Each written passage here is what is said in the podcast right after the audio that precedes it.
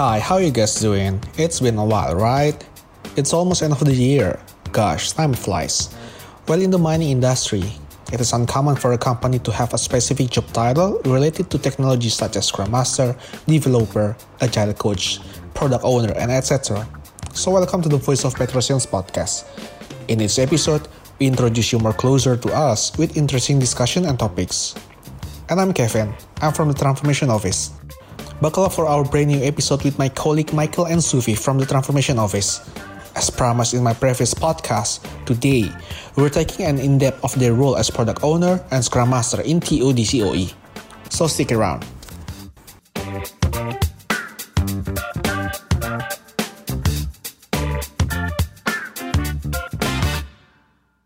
Yo, what's up everybody? Hola.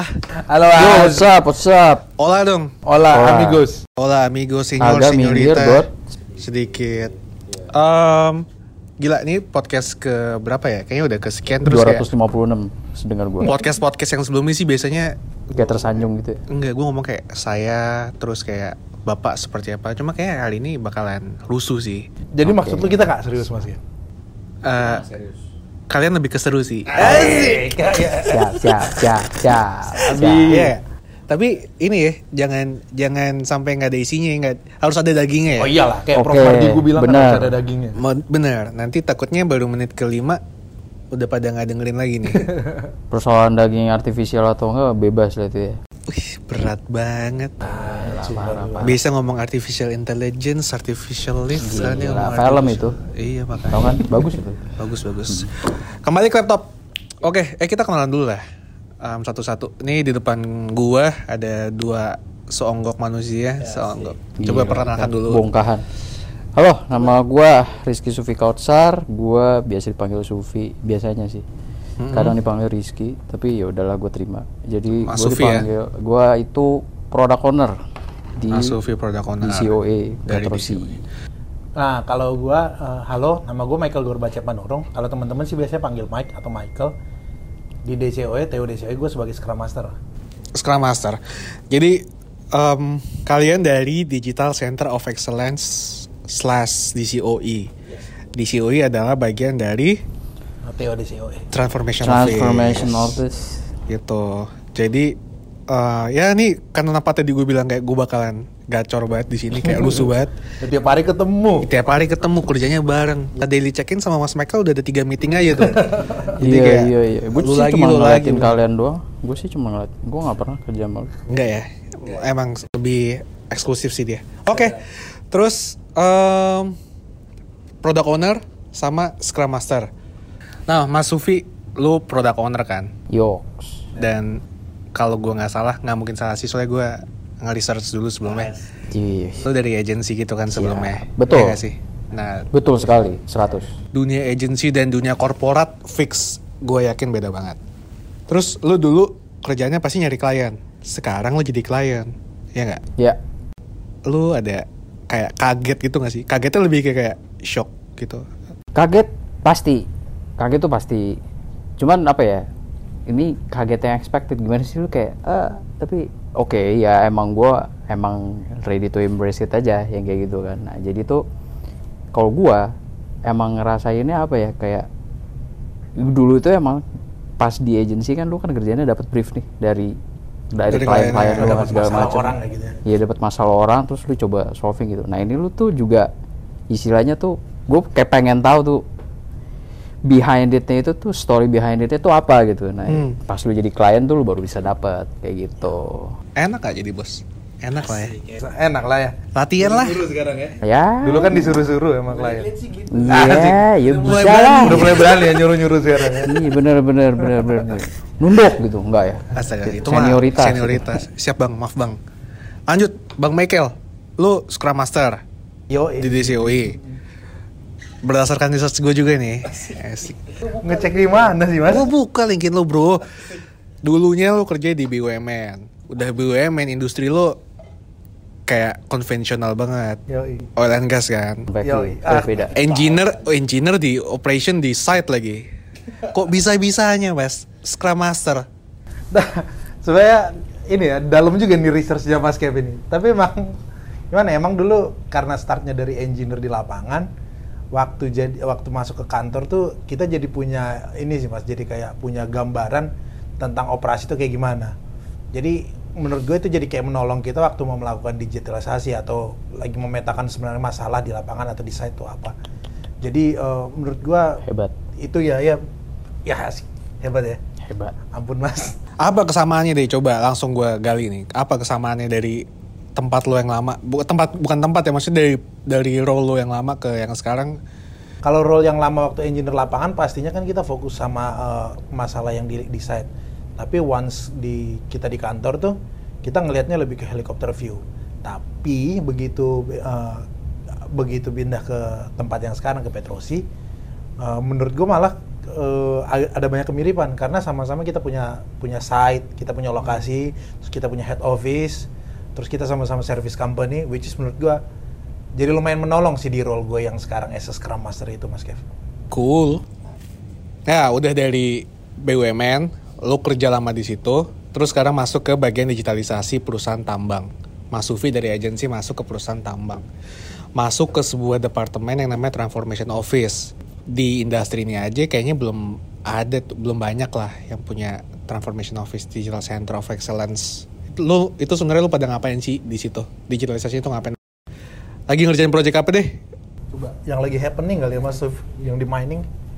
Yang lagi happening di mining tuh dari kemarin adalah sebuah analisa yang terdepan alias advanced analytic yo. Yes. Itu Apa itu tuh? sih. dari ya dari namanya Sebuah advance analisa yang terdepan. Iya. Tapi apa yang membedakan dengan Jadi kan kalau misalnya sebelumnya kan kita kan lu ngeliat dari digital kan biasa kan raw data terus lu proses terus habis itu lu tampilkan kan akhirnya ya itu istilahnya menjadi sebuah inilah menjadi sebuah dashboard yang bisa lu lihat dan lu bisa lu analisa gitu nah kalau advanced analytic lu bisa melakukan prediksi dari hasil raw data yang lu dapetin Pakai machine learning itu Mas. pakai machine learning Pakai machine learning. salah satunya wow. Eh tapi sebelum sebelum jauh ke situ gue mau nanya pendapat kalian. Atau ini out of nowhere sih. Lu setuju gak sih kayak at some point uh, robot atau AI atau ML itu bakalan machine learning itu akan nge-replace manusia? Ayo lo. Manusia sih gila ini konspiratif banget ya Ya manusia sih kayaknya enggak sih. Parah, cuy. Manusia sih kayaknya enggak Mas Kev. Tapi kalau meng-replace banyak banget pekerjaan yang dikerjakan sama manusia, bisa jadi Bisa jadi. bisa jadi tuh Jawabannya kena lagi, bener sih. Lebih ke relevansi pekerjaannya bukan orangnya kan. betul. Gue ngetes tadi. Oke, lanjut. kayak lah desain itu udah bisa pakai AI cuy Makanya, betul. Cool. Terus em, dari project digitalisasi tadi di mining. Cuma kan kita digitalisasi nggak cuma di mining gak sih? Kayak Benar, ada benar. di bisnis support yang lain, bisnis department support yang lain. Lu lagi ngerjain di mana aja Mas Mike? Kalau gue sih sebenarnya lagi banyak terlibat di project yang di internal kita yang terkait dengan tentang uh, digitalisasi bisnis proses di finance, di HC gitu-gitu sih mas. Nah karena memang uh, balik lagi sebenarnya produk atau project itu nggak semuanya kita start dari scratch gitu mas Kev. Uh, Kadang-kadang ada beberapa project yang kita Off the uh, shelf. solu- ya off the shelf tuh solusinya itu udah ada di di luaran mas. Jadi instead dari kita, instead of kita bikin dari awal, mendingan kita beli yang udah ready. Contohnya ERP ERP di luaran, uh, Petrosi subscribe gitu. Sama lah kalau kayak kita subscribe Netflix kan, uh, kalau Petrosi bisa nge-subscribe ERP apa pun gitu mas. Nah yang menarik di situ juga kan kita apa ya nggak cuma ERP atau solution yang udah gede, tapi in fact kita di, di TODCOE juga approach ke startup-startup luaran yang series B, um, series C. Jadi kita sebenarnya se-open itu untuk menjadi digital inkubator atau semacamnya gitu kan. Nah selain yang tadi yang kita shopping keluar untuk solusinya, kita juga punya kemampuan kan untuk bikin in-house. Kita bisa juga, Yep. uh, Mas Kev, kita bisa in-house juga, kita build, uh, bahkan kita juga uh, bisa uh, kerjasama dengan uh, third party untuk build uh, solution untuk kita kayak gitu. Jadi opsinya banyak banget kita bisa beli, kita bisa bikin uh, di tim di internal kita, kita bisa koordinasi dengan tim di luar untuk ngebikin juga. yoi Nah, kalau posisinya, setahu gue sih, product owner dan scrum master tuh jarang ya nggak sih di di industri kita. Apalagi di industri tambang. Nah tadi kan kesebut kalau kita bisa in house. Sebenarnya selain produk produk owner terus scrum master, titel-titel yang aneh-aneh yang ada di DCOI ada apa aja?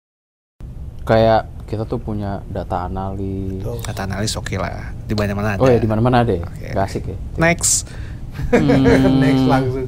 Data analis next. ya next. Hmm, kit solution architect Ada solution architect. Ah, solution architect oh, Lumayan itu lah ya, jarang. mulai. Itu di mana-mana juga ada sih itu sebenarnya. Nah, di tech company lah, tapi untuk di perusahaan tambang kayak Oh solution iya iya, architect iya jarang betul, ya. betul, betul, betul. Kita Full punya stack developer. full stack developer. Yes, itu jujur gue baru pernah dengar Scrum Master, Product Owner, Full Stack Developer di sini. Terus kita ada front end, back end, Front end developer. developer, back end developer. Transformation uh, manager kita juga punya. Software engineer lah. Software engineer. Uh, itu yang biasanya kita paling kalau ketemu di Gojek atau Ya, biasanya sih lebih di kayak tech atau Tech digi- company. Tech company digital lah ya. digital company lah. Ah, oke. Terus masuk ke perannya product owner, perannya scrum master, lu jadi digital agentnya yang reach out ke semua department. Lo kok pada diem diem aja sih? Lucu ya? Asik gue ngomongin department. Lapar coy, Iya, lapar coy. department gitu loh mas. Kayak data. Nah, product owner, product right, manager. right, right now gitu. Udah. Terus lanjut product owner, product manager itu kan kayak suka eh menarik lah. Kalau kalau pekerjaannya Menarik apa nih Pak maksudnya nih? Iya, kalau yang didengar-dengar sih kan product owner punya res- full responsibility terhadap si produknya itu kan.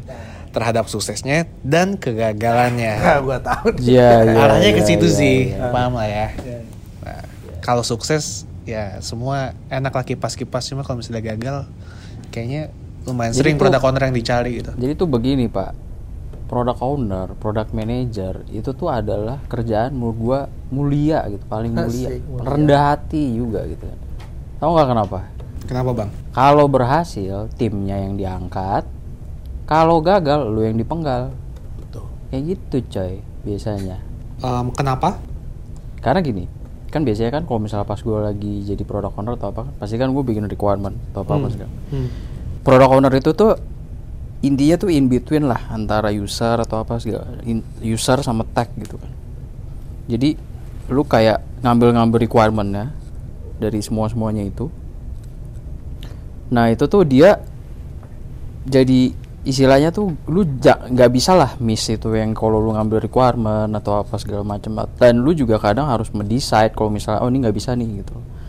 Lu nggak bisa ngerjain ini gitu. Tapi ternyata pas decision lu bisa aja salah gitu. Nggak sesuai gitu dengan apa yang mau user atau apa gitu. Nah itu tuh banyak seninya lah di situ gitu. Pusing juga kerjaan lu ya? Ya enggak juga sih Ya. masih hidup gua untung Ah, namanya ah. namanya kerja yang mana yang nggak pusing sih mas? Dengar-dengar gajinya gede sih. Wah sih. amin amin gitu Yes, amin. amin ya gitulah pokoknya dari product ownernya udah sekarang ke bagian scrum master nih mas mas gue tau peran lo lebih kayak ke eh, jadi apa sih konduktor ya kalau lagi orkestra ya Orkestrator, asik bahasanya ya. Jadi mas, eh, kalau misalnya kita bicara produk kan dimensinya ada banyak. Cuman memang paling common tuh kita bikin produk yang benar atau sesuai, terus membangun produknya dengan baik atau building eh, it's right, dan kita mendeliver dengan cepat segera gitu. Eh, dan tambahnya kita juga deliver itu supaya sustain. Nah dari semua dimensi ini semua punya kepentingan. Nah tugas gue sebagai Scrum Master tuh memastikan si produknya itu deliver dengan benar, memastikan eh, dibangunnya juga dengan benar dan memastikan itu terdeliver dalam waktu yang tepat karena kadang-kadang produk di deliver kelamaan juga udah nggak sesuai sama market. Jadi lebih ke tengah-tengahnya gitu sih, agak sulit sih di ini. iya ini ada ada ilmunya kan? Maksudnya kalau kalau ilmunya dari siapa mas? Kalau ya itu eh, menurut teorinya si Henrik Neibert ah dia itu dia. Itu luar sudah biasa kan? Nah, dia kalimatnya kan kalau nggak salah eh, apa yang kalau scrum master build it Ingarso fast ya? Sungtulodo Bukan. Bukan. ya. Apa mas? Recall dong mas. Gue Jadi cuma kalau- ingat build it fast doang. Ya, building the right thing, building the things right, and building it fast. yang yang pertama itu siapa Yang pertama itu uh, building the right thing tuh udah pasti role-nya product owner. Product biasanya. owner. Karena dia yang paling tahu ke- bisnis seperti apa, produk. gue yang memberikan state ideal di Ya, situ. Oh, Ya, Oke. benar. Jadi ibaratnya dari suatu produk idealnya itu yang akan nge-state adalah dari si product owner. Lalu Nah, building the things right ini biasanya dari tim teknologi, tim tech. Mereka yang tahu pondasinya seperti apa, teknologinya seperti apa. Nah, itu kita juga harus memastikan bahwa si barang ini di dalam jangka panjang akan tetap bisa bertahan dengan baik pondasinya seperti itu. Jangan dibikin sekarang tapi tahun depan broken gitu. Ya, jadi ngawang-ngawangnya gue tuh kan gue ibarat layangan nih udah terbang-terbang jauh tuh. Nah dari sisi tech tuh dia naik pelan-pelan nih. Betul. Nah, supaya membumikan lagi. napak bumi lagi. lah, supaya napak lah gitu. Uh, nah si Scrum Master adalah menjadi gue menjadi orkestrator mendeliver keduanya ini, kedua kebutuhan ini supaya uh, dideliver dengan fast, dengan cepat. Karena takutnya kita bagus produknya sesuai dengan kebutuhan, takutnya kita delivernya salah waktu, malah nggak sesuai lagi, orang udah keburu punya produk penggantinya atau biayanya udah keburu membengkak, begitu. Pas lu narik layangan kan lu kan harus pelan-pelan tuh segala macem tuh. Nah itu Scrum Master tuh tugas tuh jagainnya jangan sampai itu talinya putus. Jangan terlalu kenceng narik. layangannya terbang ke mana-mana, robek gitu kan, nyangsang ke mana kan. singit layangannya. Emang apa ya kayak gitu? Nah, jadi anak Betawi Iya, banget. Ngapa? Ngapa emang IG? ya tapi kiasannya lucu juga ya pakai layangan ya. Tapi emang eh, jadi lebih ke gambar sih. Tapi itu kan pasti beririsan kan si tadi yang masing-masing punya interest si product Betul, owner, si tech team, terus si Scrum Master Eh, pasti beririsan. Bener. Nih, gue ada komen. Tapi mungkin nggak semuanya happy. Ya paham gak sih kayak? Ah iya, iya gue paham. Iya, iya. Ya, ya, ya, ya, memang at, at ideal point itu kita selalu pengen eh, di tengah-tengah ya. Jadi barangnya sesuai, barangnya rapih, produknya pondasinya kuat dan kita deliver fast, cepat banget kayak gitu. Cuman kan eh, kita selalu pengen di tengah-tengah.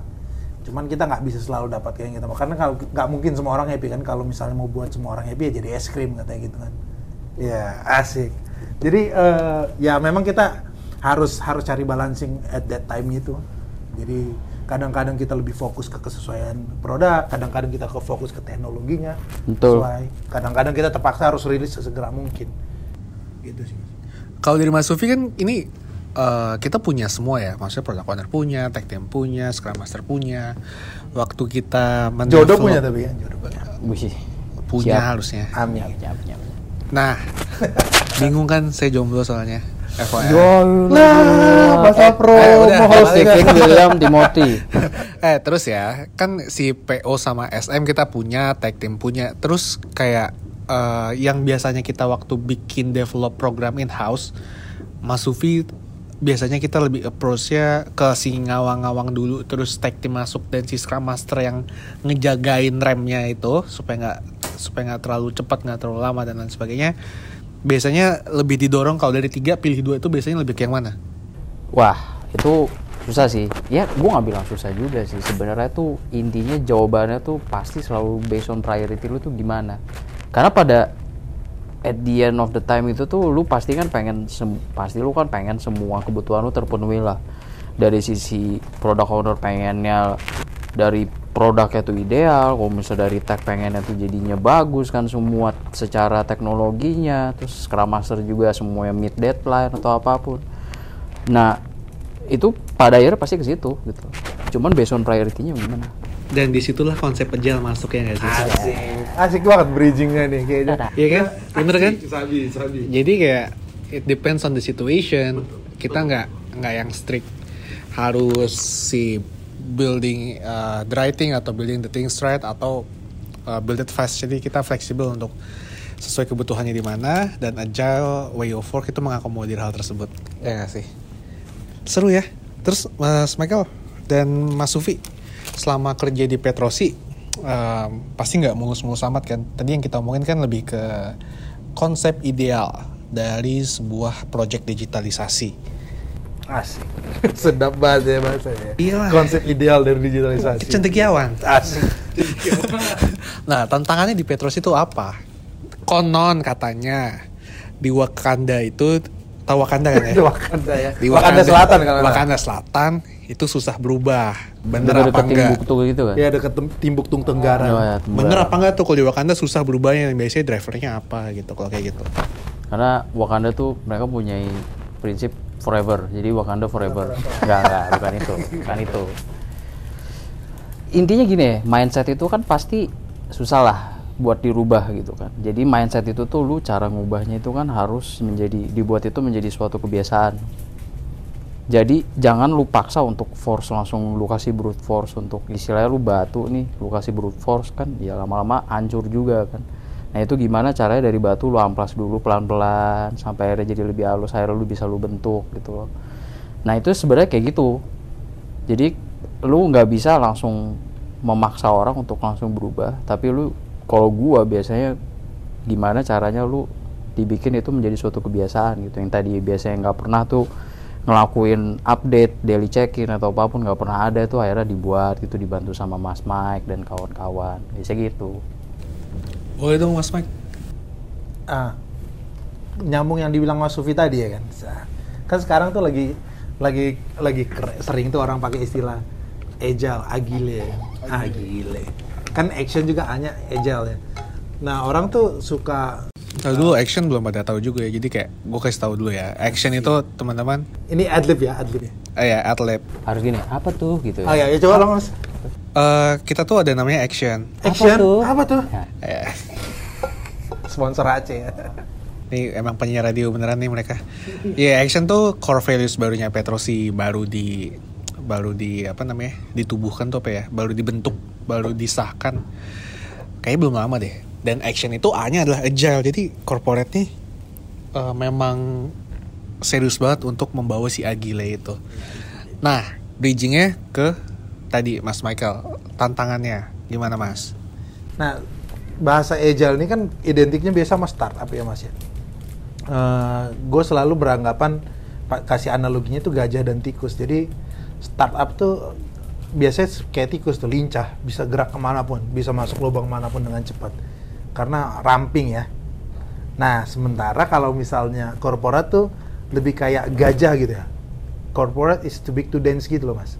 Jadi terlalu agak sulit untuk menari bisa bisa menyesuaikan.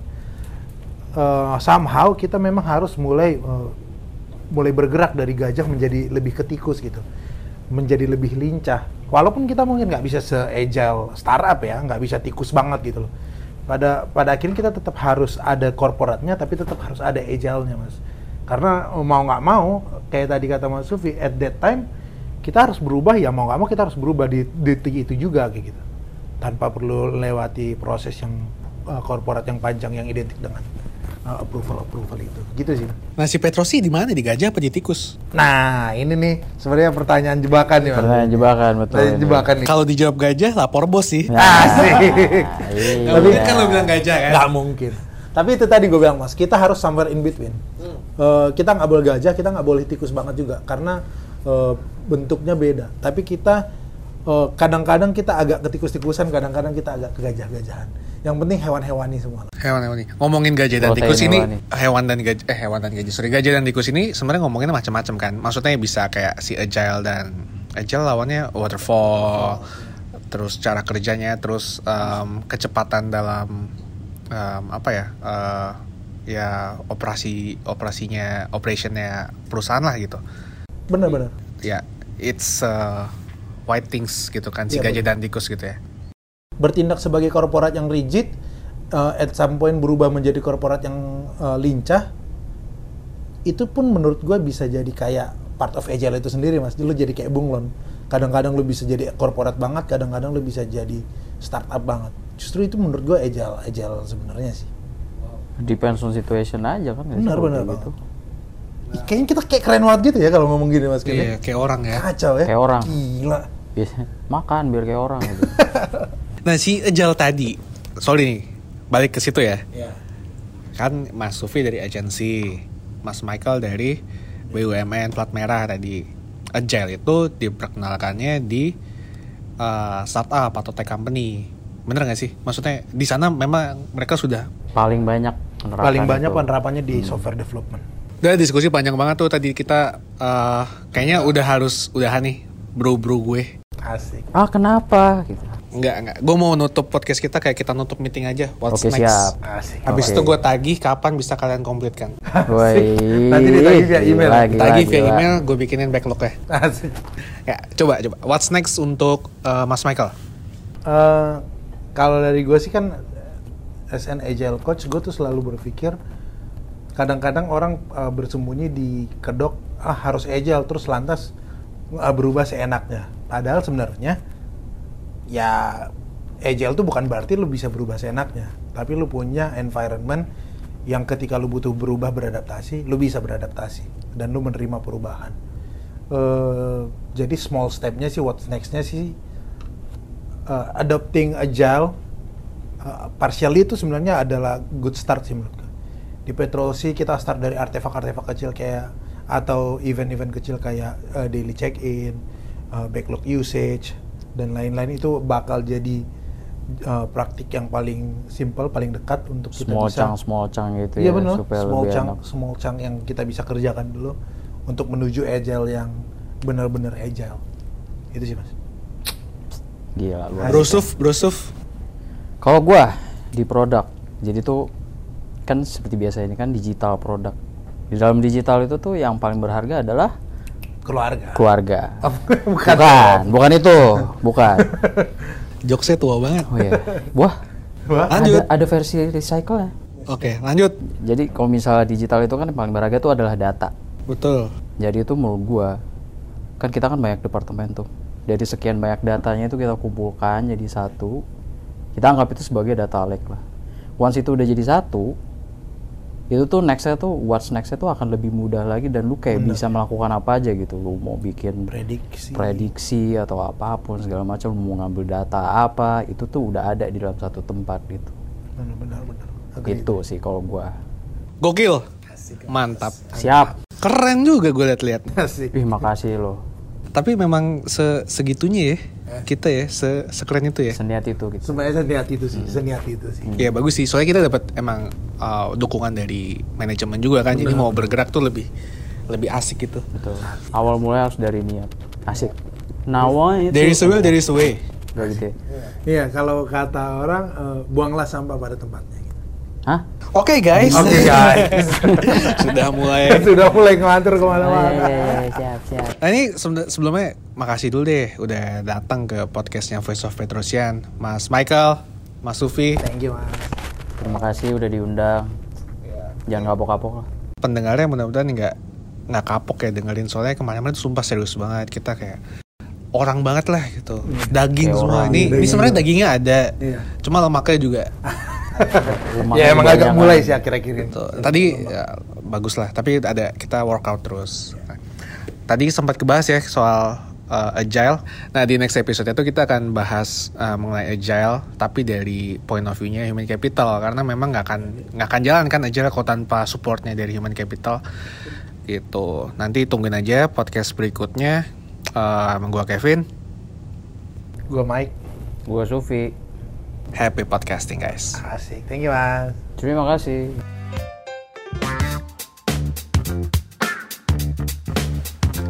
Thank you, thank you for joining me for this episode. Remember that you can join our social media and email for more details about Petrosi. Please do enjoy the most wonderful time of the year, just like what Andy Williams said. I'm Kevin signing out, wishing you a happy podcasting. Bye bye.